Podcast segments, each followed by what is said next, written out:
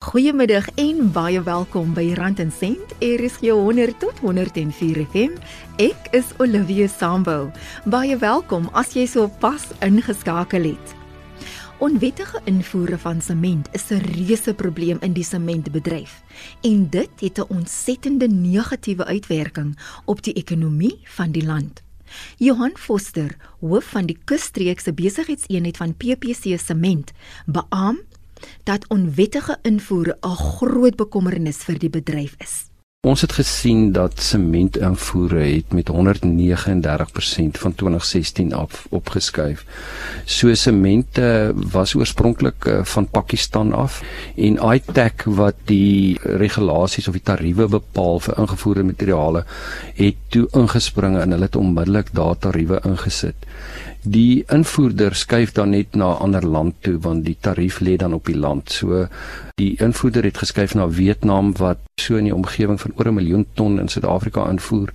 Nou in konteks is dit is 'n aanleg se mense wat nie werk nie. Dit is geld wat nie die land uitvloei en baie vinnig is dit 4-500 miljoen tot 'n miljard rand wat die land kan uitvloei.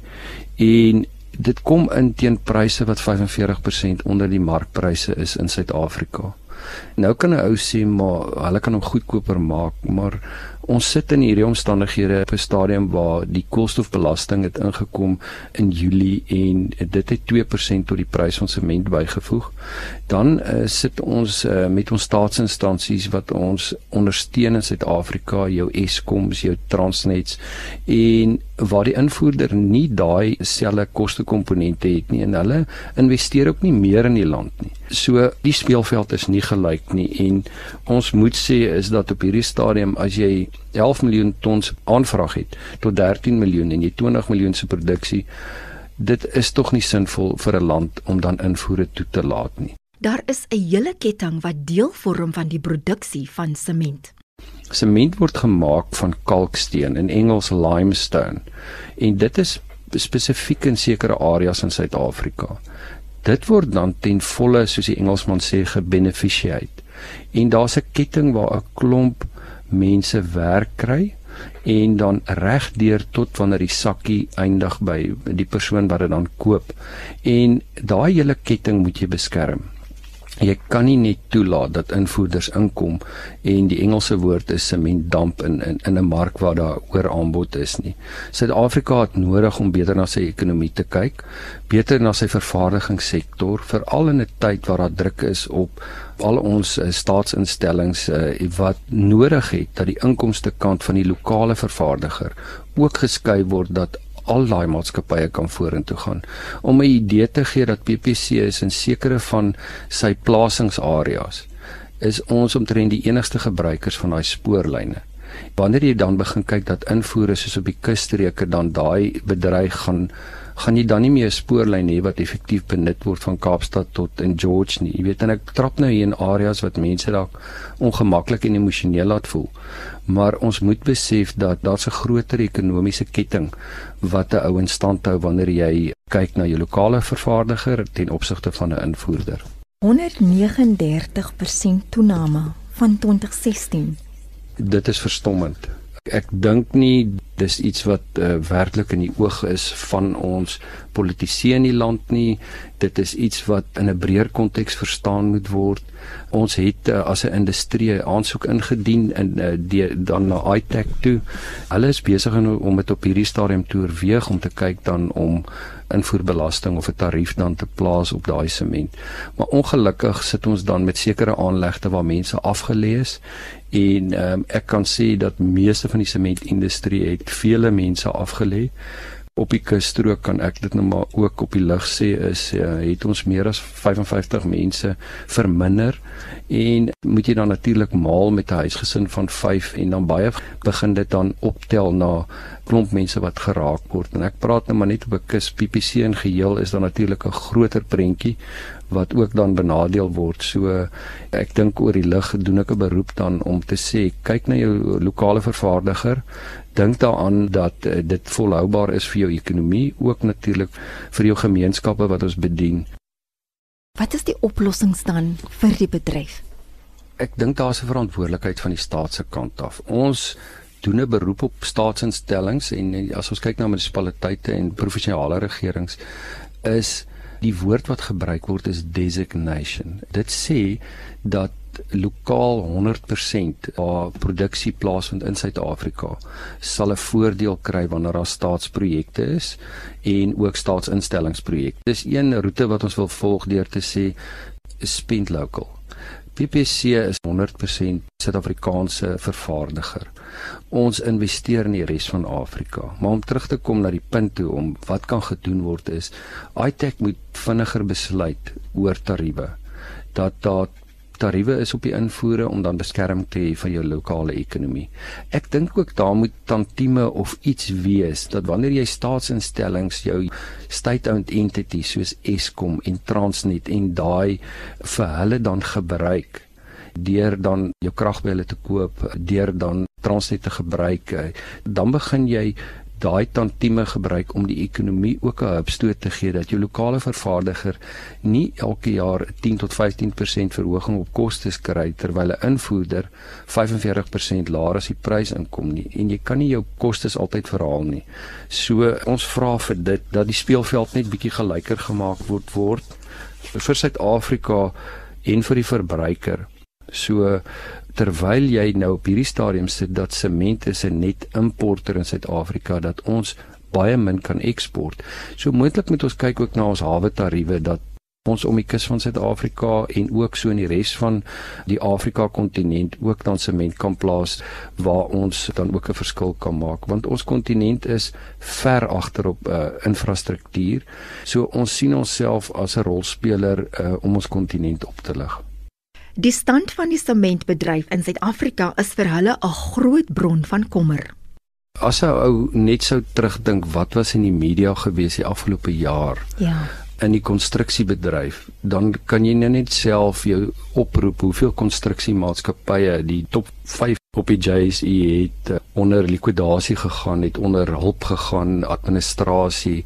En dis 'n tendens wat ons sien wat maar altyd belyn is met jou aktiwiteit in die ekonomie sement is 'n aanwyser van groei of dan afname in die ekonomie. So dit sal die eerste iets wees wat sy kop oplig om te sê dis nou tyd, nou kan 'n ou begin investeer in die ekonomie en ongelukkig as ons kyk na die GDP van ons land en en waar ons op hierdie stadium is, is dit maar uh, negatief tot plat hange van die spesifieke streke en om net 'n voorbeeld te gee op statistiek is uh, Suid-Afrika se markaanvraag is so tussen 11 en 13 miljoen ton per jaar.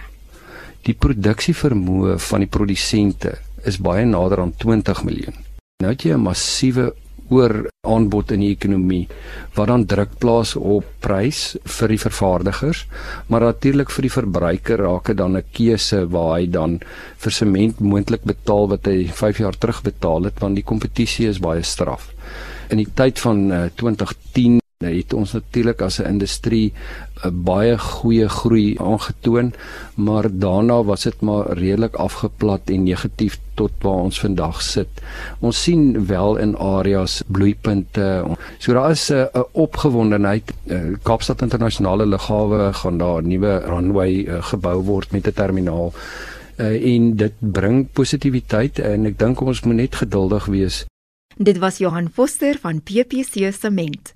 En dis rand en sent RSG 100 tot 104 FM met my Olivia Sambo. Stuur gerus 'n WhatsApp teks of stemboodskap na 076 536 6961. Jy kan ook 'n e-pos stuur na rand en sent rsg@gmail.com skakel ook in op die DSTV kanaal 813 of luister aanlyn by www.rsg.co.za Daar is mense wat glo dat daar nie so iets is soos negatiewe bemarking nie en hulle glo dat enige bemarking, goed of sleg, die nodige blootstelling aan 'n maatskappy gee. Ek wil by Anton Roelofse van Business Partners Limited hoor wat sy opinie hieroor is. Ek is miskien nie verkeerde een om te vra want ehm um, ek dink Tog, daar is iets soos 'n uh, negatiewe bemarking. Ek meen as jy nou byvoorbeeld iets wat ek nou vandag se koerant sien van die blikkies vis wat nou van die mark afgehaal ja. word, ja. dat niemand het nog siek geword of iets nie. Ek dink dit word in 'n baie goeie lig gesien. Maar kom ons sê daar was 'n motoragentskap waar 'n redelike klomp voertuie gebrand het en niemand wil verantwoordelikheid aanvaar nie is dit goed vir hulle of is dit sleg vir hulle? Ek dink dit hang af van die impak. Sosiale impak is 'n belangrike aspek waarna mense kyk as mense na hierdie goeters kyk. En ek dink is wel so dat enige blootstelling wat jy kry, is seker goed vir die besigheid om dit te kan kry. Dit hang net af daai blootstelling. Het hy jou 10% teruggesit of het hy jou 10% vorentoe gesit? As ons byvoorbeeld net na ons eie markte gaan kyk, as ons na die JSE gaan kyk en ons kyk as 'n maatskappy maatskappy uitkom met 'n slegte stelling, hoe vinnig daar 'n 10% val in daai aandeleprys kom. So ja, ek is nie heeltemal so seker nie. Negatiewe nuus oor 'n maatskappy, 'n diens of produk kan ook die verkeerde emosies by verbruikers aanwakker.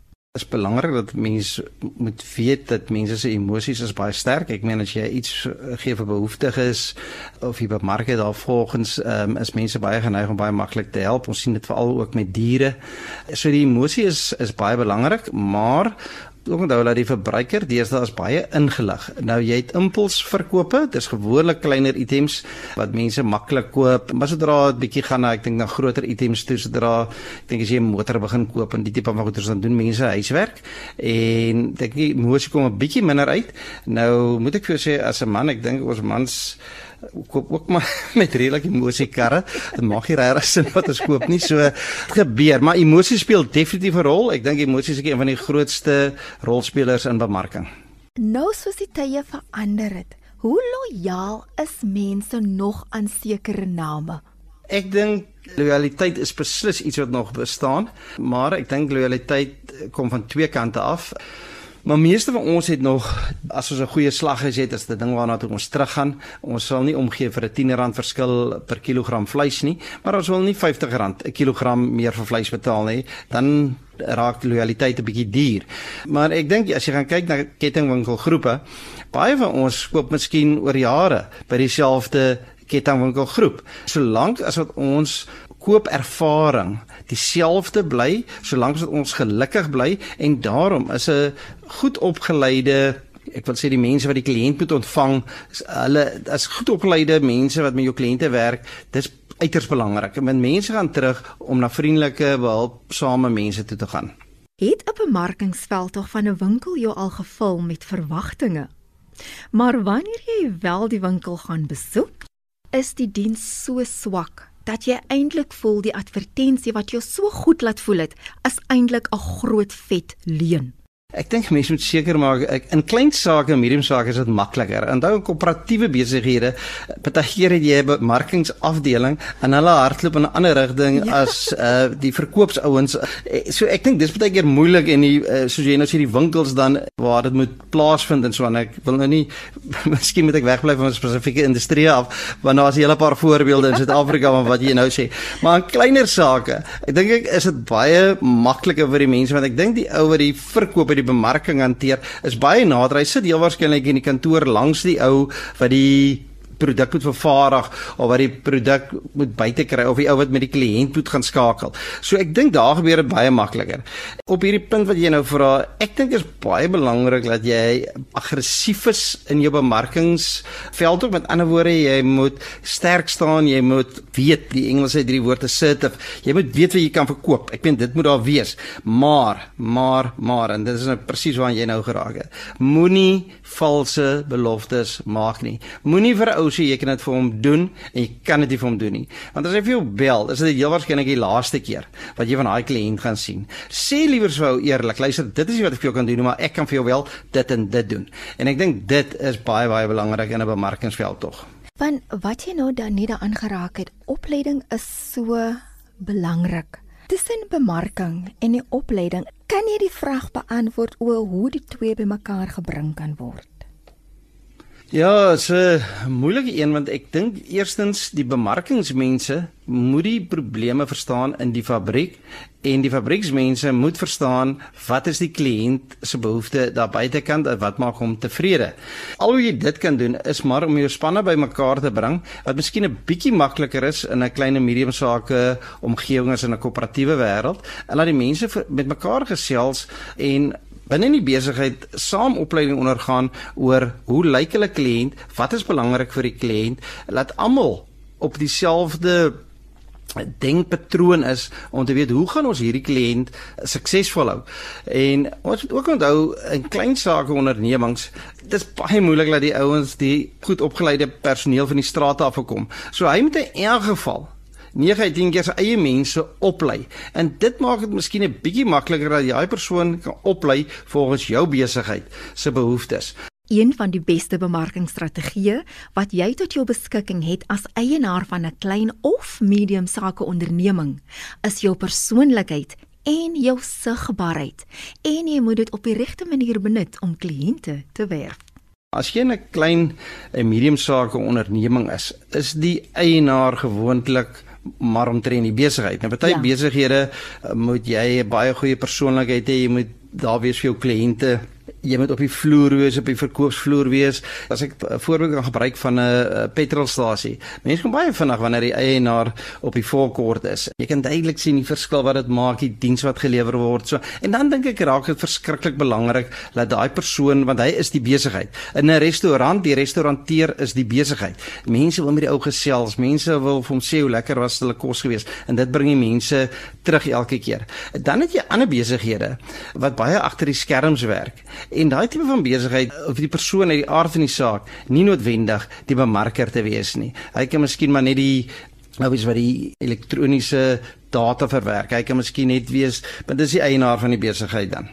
Ek wil weet of jy enige sukses behaal wanneer koue oproepe gedoen word, want die meeste van ons beskou dit as 'n irritasie. Ek dink alles hang af van watter tipe marke mense is en wat is die produk of diens wat jy verkoop. Daar's dis soveel ander kanale dat ek dink soos die cold calling in die verlede gekry het is miskien anderste, maar as jy vandag gaan kyk na al die call centers, almal van ons kry elke dag hoeveel oproepe op ons selfone van mense wat iets probeer verkoop. Dis miskien ook cold calling, maar as cold calling wil ek amper sê met 'n afstand. Dan het jy 'n cold calling wat jy self as verkoopsman by 'n deur gaan aanklop. Jy kan dadelik die produk of diens baie goed bemark. Jy kan vir die voor, voordele uitwys. Ons kom terug na hierdie unique selling proposition toe. Ehm um, en ek dink in daai gevalle is daar nog ruimte vir cold calling. Maar wat jy ook uh, tereg sê, dis nie vir elke ou om cold calling te doen nie. Is dit vat 'n sekere tipe persoonlikheid wat dit kan doen en mense moet seker maak as as dit deel is van jou strategie, dan moet jy die regte mense in diens hê om dit vir jou te kan doen. Dit was Anton Rolofse van Business Partners Limited. Ek het ook met Johan Foster van PP PPC Sement gesels. Dis tot sins van my Olivia Sambo en onthou die program word weer woensdagoggend om 04:30 herhaal. Ek hoop jy het 'n goeie week vorentoe.